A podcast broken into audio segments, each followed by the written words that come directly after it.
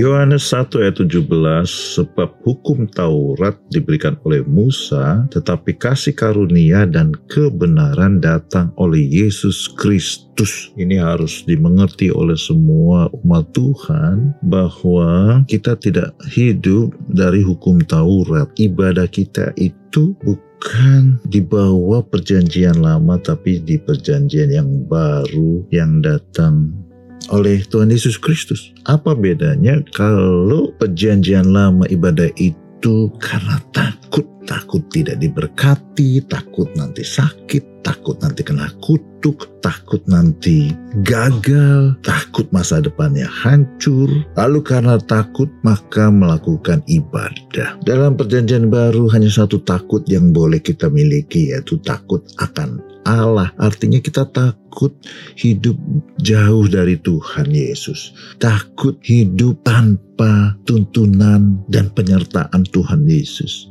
Itu takut yang masih boleh kita miliki. Tapi tidak lagi takut tidak diberkati, takut kena kutuk, takut sakit. Itu diganti dengan hukum kasih karunia yaitu hukum iman. Percaya kalau aku aku mengikuti tuntunan Tuhan, itu yang paling baik. Hidupku terpelihara dalam kesehatan ilahi, dalam memiliki masa depan yang penuh harapan. Hidup di dalam rancangan damai sejahtera Tuhan. Percaya Tuhan turut bekerja dalam segala sesuatu untuk mendatangkan kebaikan bagi kita. Itu adalah kasih karunia yang datang di dalam Tuhan Yesus. Yang kita percayai dengan iman Mana lebih baik? Ya tentu saja lebih baik hidup oleh iman daripada hidup karena takut. Amin.